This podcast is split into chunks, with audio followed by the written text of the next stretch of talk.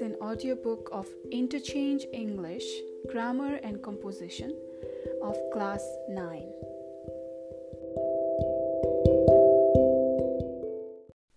Chapter 37, page number 323. Brochure or leaf- leaflets. Leaflet. Leaflet is a small sheet, flat or folded, of printed material meant to provide information or advertisement. Therefore, a leaflet, also rightly known as a flyer or a handbill, is a form of paper advertisement intended for wide distribution and typically posted or distributed in a public place. It is a cheap way to get information out to a large number of people. Normally, it comes in a single page handout with advertisement or promotional information. It usually contains a mixture of facts and opinions. A fact is something that can be proven to be true. An opinion is someone's viewpoint. Remember that while leaflets uh, give information, they must also persuade the readers that the information they give is valid and worth acting on. Here we have one example of a leaflet. Before you write a leaflet, you must have the answer to the following two basic questions. What is the purpose? To advertise a product, to provide information about important issues and events, to draw attention to any organization, cause, or event. And then next is who are its audience? For example, are they students, families, or tourists, and who are what are their interests? Writing help, heading. What heading will you give your leaflet? Give your leaflet an eye-catching title, heading, or slogan. Picture. What pictures and images will you use to support your headings? Just indicate what the picture will be. Do not waste time drawing. The examiner is not interested in your artwork. Features. What are the main features of what you are advertising or arguing for? Remember, summarize the main point, keep it brief and direct, use subheadings, use descriptive emotive language, use positive descriptions and intensifiers. Additional details. What additional details do your audience need to know? Remember, use persuasive language, use factual details, use other people's opinions to persuade your audience, use suitable exaggeration to persuade your audience. Contact details.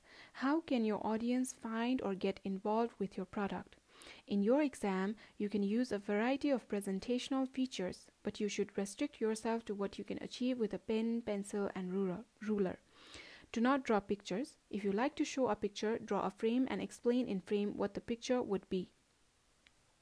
Remember that the examiner wants to see that you can write well in English, not that you can make your answer paper look like a real leaflet.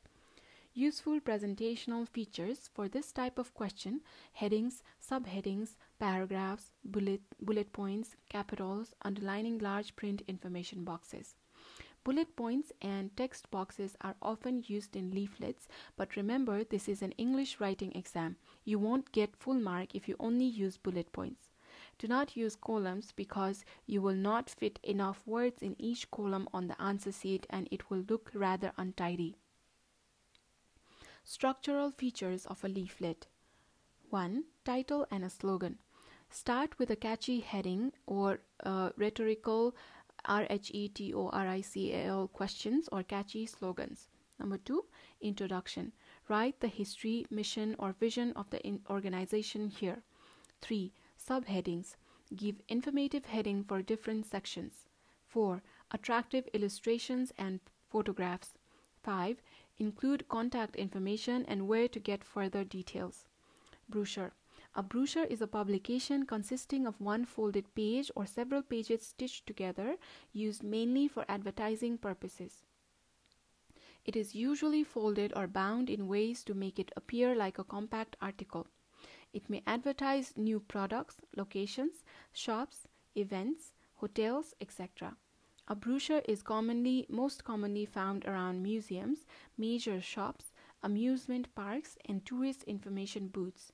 As such, it is a marketing tool to advertise a service or product. Here is one sample of brochure. A brochure consists of more than a page of information. Nowadays, there are varieties of patterns and designs in brochure. However, the co most common types are, are single sheet brochures that are bifold or trifold. A bifold brochure has four panels, two on each side. A trifold brochure has six panels, three on each side, to place information on. Look at the brochure design with different folds. Half fold, trifold, two fold, four panel um, accordion fold, three panel gate fold, double gate fold, uh, roll fold, double parallel fold, quarter fold, map fold. Writing help the front. Irrespective of the number of folds, the front panel works as a cover page and its main purpose is to introduce the piece and to make the viewer want to open it and read the content. It should uh, be attractive and should include the name of organization, place, or company. Uh, in addition, a photo or an artwork should be on the cover page. Just the logo is not enough. Then you should use some punchy text. Example Writing Center, where writers come to life. The inside panel. Try to avoid having long columns of text. If you have a lot of information, divide it up with headings which can help reader find the information they need easily. The heading should stand out by having a bigger font and different color. Bullet points and list are good. Keep your sentence short and to the point. Only give necessary information. It is always impressive if you can get a quote from someone respectable, example, a board member or a client, for your product or company. Display this prominently with the name and job of the person and possibly the place they live in. It is very important that you proofread your work. Grammatical and spelling mistakes takes the attention of the readers away. The back. Usually the back cover is used for contact information. Of course, this can change. The brochure should always end with something dynamic. Either tell the reader what you want them to do to learn more. You must give the details of what, how they can reach you. Read the following sample brochure of Parsa Wildlife Reserve. Parsa Wildlife Reserve, the largest wildlife reserve in the country, where nature's thrill ride amidst greenery will leave you spellbound and here is a picture of rhinos and elephants uh, in the wildlife reserve. Introduction Parsa Wildlife Reserve is a protected area in the inner Tarai lowlands of south central Nepal. Established in 1984 AD, it covers an area of 637.37 km square, um, sorry, square kilometer in Chitwan, Parsa, Makwanpur, and Bara district, and is the largest wildlife reserve in the country. A buffer zone declared in 2005 comprises 298.2 square kilometer, uh, 115.1 square millimeter, um, square mi. In altitude, it ranges from uh, 435 meter, 1,427 feet to 950 meter, 3,120 feet in the Siwalik Hills. In 2015, the protected area has been extended by 128 square kilometer, 49 square kilometer. Flora and fauna. The forests are mainly composed of tropical and subtropical species. Sal forests compose about 90% of the reserve vegetation. The reserve support a good population of wild elephant, tiger, leopard, sloth bear, gaur, blue bull, and wild dog. It's believed that a lot of the adult tigers from Chitwan end up here, probably to get away from the tourists. Other common animals spotted include various deer, sambar, chital, hog, and barking deer, as well as langur monkeys, striped hyenas, ratels, palm civets, and jungle cats. Many species of snakes are found in the reserve due to the tropical climate, including king cobra, common cobra, krait, rat snake, and the python. There are about 300 species of birds found in the reserve. Some of the common ones include giant hornbill, peafowl, red jungle fowl, flycatchers, and woodpeckers. Climate Winter October to December provide pleasant temperature with clear skies. Night temperature can drop to 0 degrees Celsius. During spring, January to March, temperatures rise and water becomes scarce. During summer, April to June, the days become hot and humid with temperature rising up to 40 degrees Celsius. Monsoon, July to September brings cooling rains. Entry fee per person per day for Nepalese nationals rupees 20, for SAARC nationals rupees 200, for other foreign nationals rupees 500. Note, entrance fee not required for children under 10 years. Filming permit fee, documentary films For Nepalese nationals, rupees 500. For SAARC nationals, rupees 25,000. For other foreign nationals, um, US dollar 1000. Helicopter landing per landing, rupees 2000. Access. Parsa Wildlife Reserve is easily accessible from Kathmandu, being well connected by a national highway and daily flight to Simara. Parsa Wildlife Reserve is easily accessible from Kathmandu Hetauda Birganj Highway.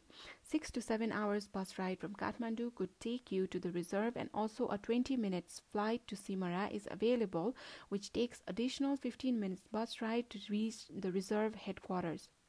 Contact for further information, contact Parsa Wildlife Reserve Headquarters, Adabar, Hetauda Birganj Highway, phone 977 5153 4022, 977 um, uh, 51534023. Email parsawr at gmail.com. Leaflet Leaflet is a small version of brochure, mostly within a single sheet. It is often meant for a quick glance. Brochure. Brochure is the same as a leaflet ex- except it is slightly more extensive and can be a few pages long. It expected it's expected that only people that are interested in learning more about a product will pick up a brochure. Show what you know, page number 328. Number 1. Write a leaflet for visit- visitors to your area or one you know well, introducing them to the places of interest. Number 2. Write a brochure on a religious place in your area to attract many devotees. 3. Write a leaflet to promote an interesting place of your locality. Number 4. Write a brochure to advertise your school, highlighting its salient features and facilities. Number 5. Create a brochure of your favorite tourist spot. Present details in emotive language to arouse the interest of those who seek adventure. 6. Your uncle is opening a hotel. Create a brochure highlighting the major attractions to invite more food junkies. 7.